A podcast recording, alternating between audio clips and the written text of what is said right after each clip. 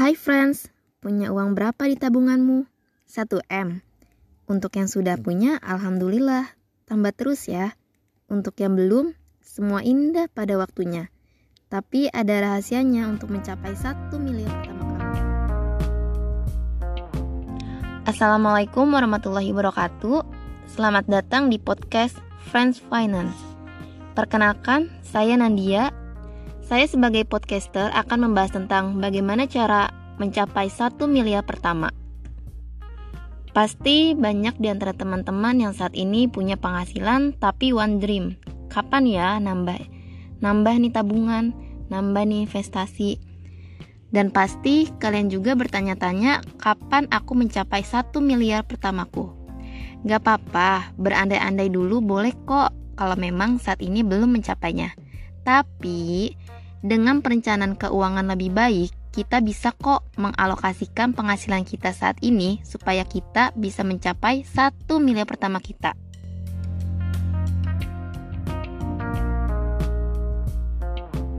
Nah, tapi sebelumnya, kalau sampai nanti kalian mencapai satu miliar pertama, mau jadi apa? Mau dipakai untuk apa?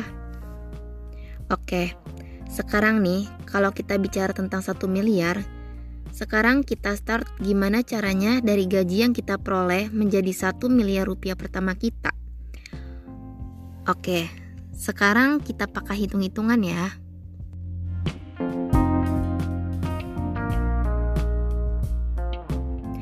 Katakanlah misalnya di sini aku mau pakai hitungan 30 tahun. Jadi 30 tahun itu di situ mungkin akan ada berapa ya? Hmm, sekitar 360 bulan. Oke. Sekarang kita kerja tiap bulan dapat gaji. Nah, sekarang kita anggaplah dari gaji itu kita berhasil nih menyisihkan uang untuk ditabung aja deh. Jadi misalnya kita pilih investasi pun juga investasinya kita pakai yang bukan kayak saham gitu.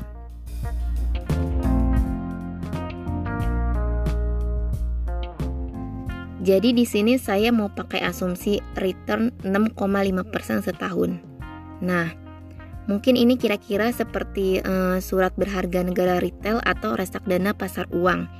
Ya, masih more or less masih bisa lah mencapai ke 6,5% setahun. Oke. Okay.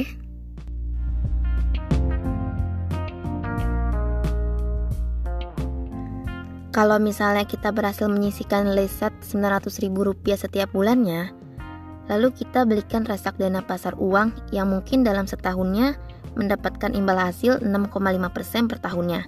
Maka dalam setahun kita memperoleh 702 ribu rupiah. Nah, nanti kan ini akan ditambahin nih ke 900 ribu rupiah yang tadi.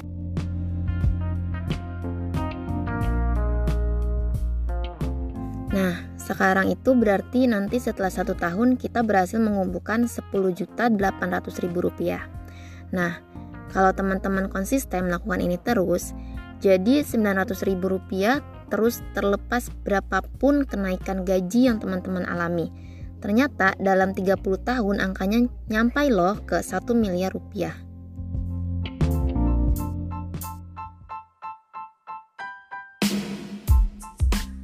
Oke, Friends Finance, saya juga akan melampirkan tips bagaimana investasi saham dari nol yang dipaparkan oleh Kak Felicia Putri Jiaksaka. Berikut ini adalah pemaparannya. Mulai dari nol, cara daftar, top up, beli, jual, sampai ngebangun portfolio saham kita. Langkah yang paling pertama adalah download aja dulu aplikasi perusahaan sekuritas di iOS atau Android kamu. Ada banyak pilihan sekuritas, kamu bisa cek sendiri, tapi kayaknya untuk pemula tuh lebih cocok ajaib sekuritas. Karena satu, prosesnya daftar beli jual segalanya tuh 100% online. Kedua, nggak ada minimal deposit dan ketiga, fee jual belinya tuh salah satu yang paling rendah dan tampilannya juga lumayan bagus. Aku langsung praktekin aja ya. Pertama, kita harus daftar dulu. Sama kayak misalnya kita mau nabung di bank, ya kita harus buka rekening tabungan. Kalau mau nabung saham, buka rekening saham di perusahaan sekuritas. Nah, pertama, masukin nomor HP, email, dan password, dan kode referral aku nih, Feli302. Untuk dapetin gratis reksadana pasar uang 10.000 sampai dengan 1 juta. Kita cuma butuh KTP dan rekening bank aja.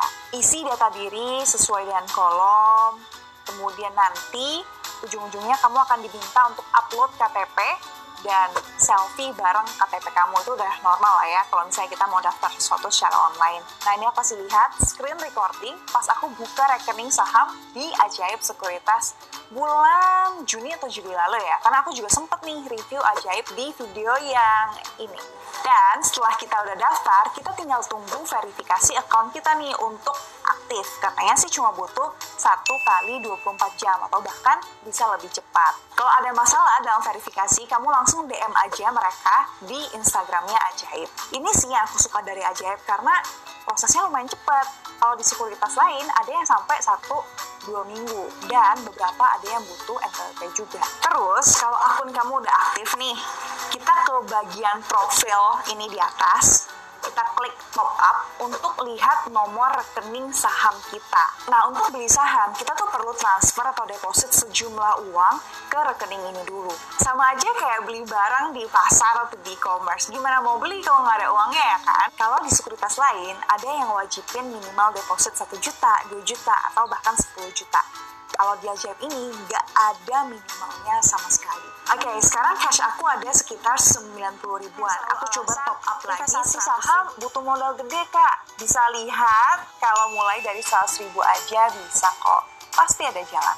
Oh ya, dan rekening saham kita ini atau rekening dana nasabah atau rekening dana investor sama aja, ini pakai rekeningnya Bank Permata ya. Jadi buat kalian yang suka nanya, gimana kalau amit-amit ajaib bangkrut? Jangan khawatir teman-teman, karena yang pegang uang kita tuh bukan ajaib, tapi uangnya disimpan di bank kustodian seperti Bank Permata ini. Nah, setelah aku top up dan uangnya masuk nih, kita langsung aja beli saham pertama. Nah, karena modal kita cuma 100 ribuan kan, jadi saham yang kita bisa beli juga terbatas. Kalau kita lihat harga-harga saham yang di sini tuh uh, harga per satu lembar. Sedangkan kita minimal beli tuh satu lot atau 100 lembar. Jadi harga yang di sini tuh harus dikalikan 100. Kalau modal kita cuma 100 ribu, berarti harga saham yang kita bisa beli maksimal 1000 per lembar ya. Nah, untuk saham pertama dan investasi jangka panjang, lebih baik dari sektor perbankan atau barang konsumsi sehari-hari. Tiga ide saham yang bisa dibeli dengan modal di bawah 100 ribu dari aku adalah satu,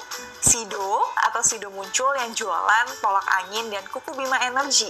Dua, Hoki atau Buyung Putra Sembada yang jualan beras topi koki.